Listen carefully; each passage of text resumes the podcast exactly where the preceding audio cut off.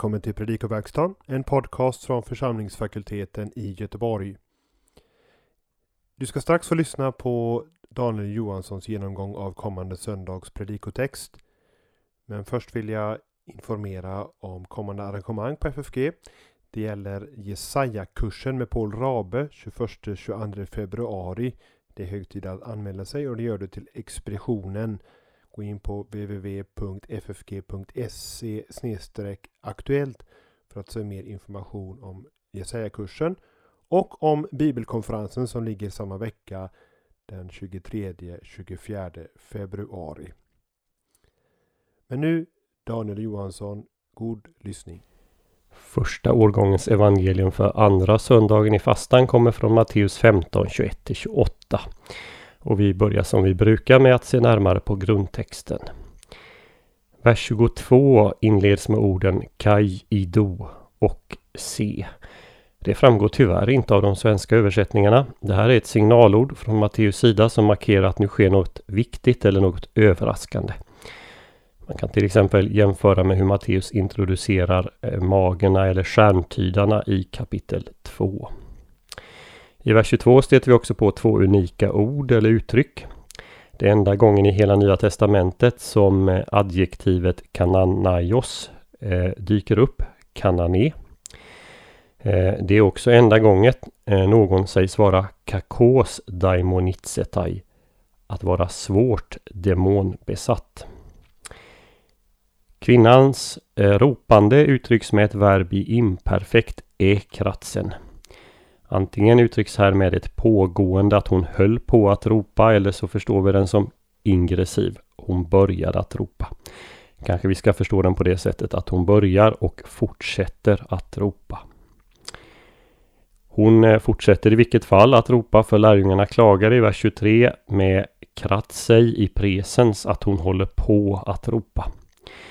Notera att imperfekt också används om lärjungarnas begäran till Jesus äroton. De började att be Jesus och de fortsatte, de höll på att be till honom. Det är omdiskuterat vad lärjungarna avser med orden Apollyson auten. Både Bibel 2000 och Folkbibeln tar det i meningen att de vill att Jesus utan vidare skickar iväg henne. Men apolyo innebär också att bli fri. det kan innebära att lärjungarna vill att Jesus ska lyssna på henne och på det sättet eh, frigöra henne. Det här stämmer också bättre med Jesus svar i vers 24 att han har blivit sänd till de förlorade fåren av Israels hus. Jesus ger ju ett argument emot lärjungarnas begäran. Man skulle därför kunna översätta lös henne eller befria henne. I vers 25 är verbet prosekynei också imperfekt Kvinnan föll ner och fortsatte att ligga framför Jesus. Notera i vers 26 att tois eh, kynariois är eh, diminutivformen för hund. Kynarion, en liten hund. Eh, hund heter annars kyon. Den här senare formen hund den förekommer i Matteus 7.6. Många tror att med diminutivformen så avses en tamhund, ett husdjur. Hedningarna kunde ha sådana husdjur. Det verkar också vara så kvinnan uppfattar saken i sitt svar eftersom hon talar om vad dessa hundar eh, plockar upp från sina herrars bord. Eh, vi går till vers 27. Nai Kyrie Kaigar. Eh, de här orden översätts olika i Bibel 2000 och Folkbibeln. Bibel 2000 tar Kai adversativt, men och så är också de flesta engelska översättningar. Problemet är att konstruktionen Kai Gar, eh, som förekommer ett 40-tal gånger i Nya Testamentet, aldrig annars används för att uttrycka en kontrast och därför troligen inte gör det här heller. Bibel 2000 översätter som att kvinnan kommer med ett motargument. Nej, herre, men hundarna. Eh, folkbibeln översätter å andra sidan Jo, herre, också hundarna äter. Man kunde återge det kvinnan säger ännu mer ordagrant genom att också återge gar, ty eller för i översättningen.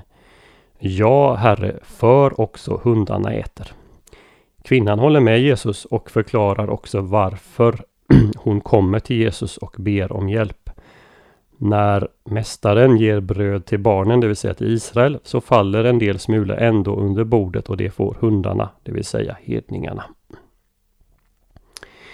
I vers 28 inleder Jesus sitt tilltal av kvinnan med interjektionen Å, O. Den här interjektionen är emfatisk. Lukas använder samma interjektion i sitt tilltal av Teofilus i Apostlagärningarna 1.1. O kvinna eller kanske bästa kvinna skulle kunna vara passande här. I satsen megale so he pistis är adjektivet megale placerat först och därmed betonat. Din tro är stor. En kursivering av adjektivet skulle kanske vara passande. Till sist noterar vi satsen genetheto soi hos theleis. Den inleds med ett imperativ i tredje personen. Må det ske. Vi bör alltså översätta må eller låt det ske dig så som du vill. Både Bibel 2000 och Folkbibeln återger eh, det här med indikativ istället. Ett konstaterande eller ett löfte från Jesus. Det ska bli som du vill. Men i Jesu imperativ i tredje person ligger ju själva helande ordet. När Jesus uttalar imperativet blir kvinnans dotter frisk. Vi kan dela in texten i fyra delar. vi har en inledning i den första versen. Och sedan har vi kvinnans första ord och Jesus svar eh, i 15.22-24. Kvinnans andra ord och Jesus svar i verserna 25-26 och kvinnans tredje ord och Jesus svar i 27-28. Det här avsnittet hänger på det närmaste samman både med det föregående och det som sedan följer efter. Från inledningen av kapitel 15 fram till vår perikorp eh, handlar det om vad som är rent och orent och Jesus har i ett stridssamtal med fariseerna och de skriftlärda konstaterat att det är inte det som går in i människan som orenar henne utan det som går ut ifrån henne. Jesus lämnar därefter Galileen och går till hedniskt orent område och träffa där en kvinna som beskrivs som kananeiska. I allra högsta grad oren ur Israels synvinkel. Direkt efter vårt avsnitt följer sedan berättelsen om hur Jesus gör ett brödunder och mättar 4000. Nu säger visserligen inte Matteus exakt vad det här undret äger rum så vi kanske inte ska dra för stora växlar på det. Men enligt Markus äger det rum på östra sidan av Galileiska sjön. Vilket innebär att det sker på hedniskt område. Jesus skulle i så fall på ett mycket bokstavligt sätt gett bröd eh, på hedniskt område och då troligen också till en hel del som inte tillhörde Israels förlorade får. Vi bör också notera en nära parallell i Matteus evangeliet, nämligen Jesu möte med centurionen i Kapernaum i 8, 5-13. Där föreligger åtminstone fyra likheter för i båda fallen handlar det om någon som begär hjälp för underlydande. Båda är hedningar. I båda fallen lyfter Jesus fram personernas stora tro. Och i båda fallen sker ett helande genom ett ord på avstånd. Och det här är för övrigt de enda fallen, eh, de enda undren i Matteus, där det sker på avstånd. Om Jesus i fallet med centurionen till att börja med avvisande så har vi dessutom en femte likhet. Men det är som vi såg för några söndagar sedan omdiskuterat. Två olikheter kan vi också notera i det ena. I det första fallet så äger ju helandet rum på judiskt område, här i det senare på hedniskt. Och i det första fallet så handlar det om en man och hans tjänare. Här handlar det om en kvinna och hennes dotter. Avsnittet inleds med att Jesus drar sig undan. Det gör han vid tre andra tillfällen i Matteus.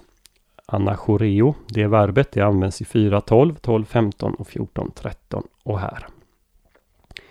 Förmodligen så vill han tillfälligt dra sig undan diskussioner med sina teologiska motståndare. Tyros och Sidon är ett känt begreppspar från Gamla Testamentet. Det var de stora, ofta rika kuststäderna i Fenicien nordväst om Israel i dagens Libanon. Mest ögonfallande är dock att Matteus beskriver kvinnan som en kanané, en medlem av de avgudadyrkande folken i Kanan, i det utlovade landet, som Israel vid intåget skulle fördriva, därför att de uppfyllt sina synders mått. Eh, vi kan läsa om det här i bland annat Första Mosebok 24.3, i Fjärde Mosebok 21.2 och Femte Mosebok 1.7.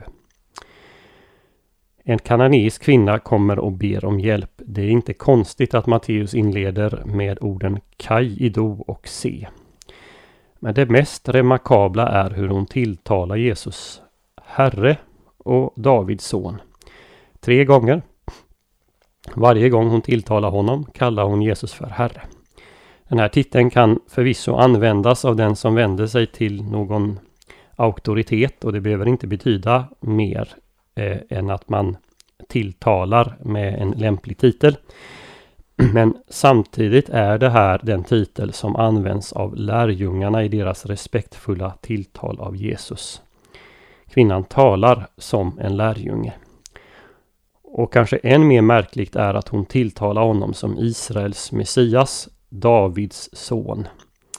Det här är en viktig titel i hela Matteus evangeliet. Vi stöter på den i kapitel 1, vers 1, i 9.27, i 20.30 31, 21.9 och 21.15 bland annat. Och den används då till exempel av folkskaran vid Jesu intåg i Jerusalem. Hur kan kvinnan känna till det här att Jesus är Davids son? Ja, det vet vi inte. På något sätt måste hon ha hört talas om Jesus. Kanske hon redan var en av de hedningar som kallades gudfruktiga och börjat gå i synagogan. Som sagt, vi vet inte. Vi vet inte heller varför Jesus inte svarar henne till att börja med. Men vi ska också lägga märke till att han inte skickar bort henne. Det är ju det lärjungarna vill. Precis som med barnen så vill ju lärjungarna bli av med henne. Jesus svarar sina lärjungar att han inte är sänd till några andra än de förlorade fåren av Israel.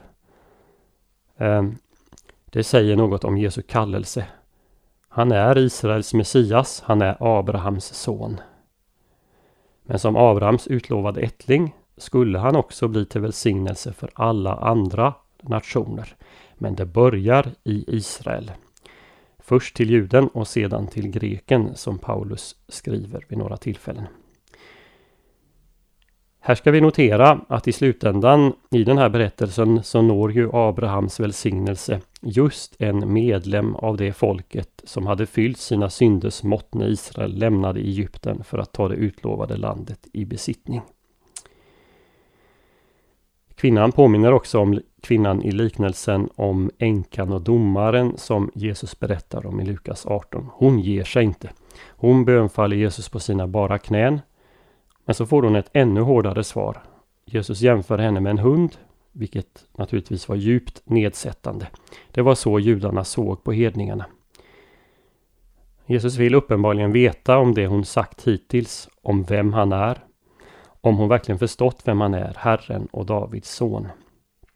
Och kvinnan, hon visar sin tro hon säger inte emot Jesus. Hon bara konstaterar att Messias bröd är så överflödande till hans eget folk att någon smula skulle räcka åt henne för att bota hennes dotter. Hon tror. Hur kunde en hednisk kvinna ha en så riktig och en så stor tro? Ja, svaret måste vara detsamma som med Petrus i Matteus 16 och 17. Kött och blod har inte uppenbarat det för henne, utan Jesu far i himlen.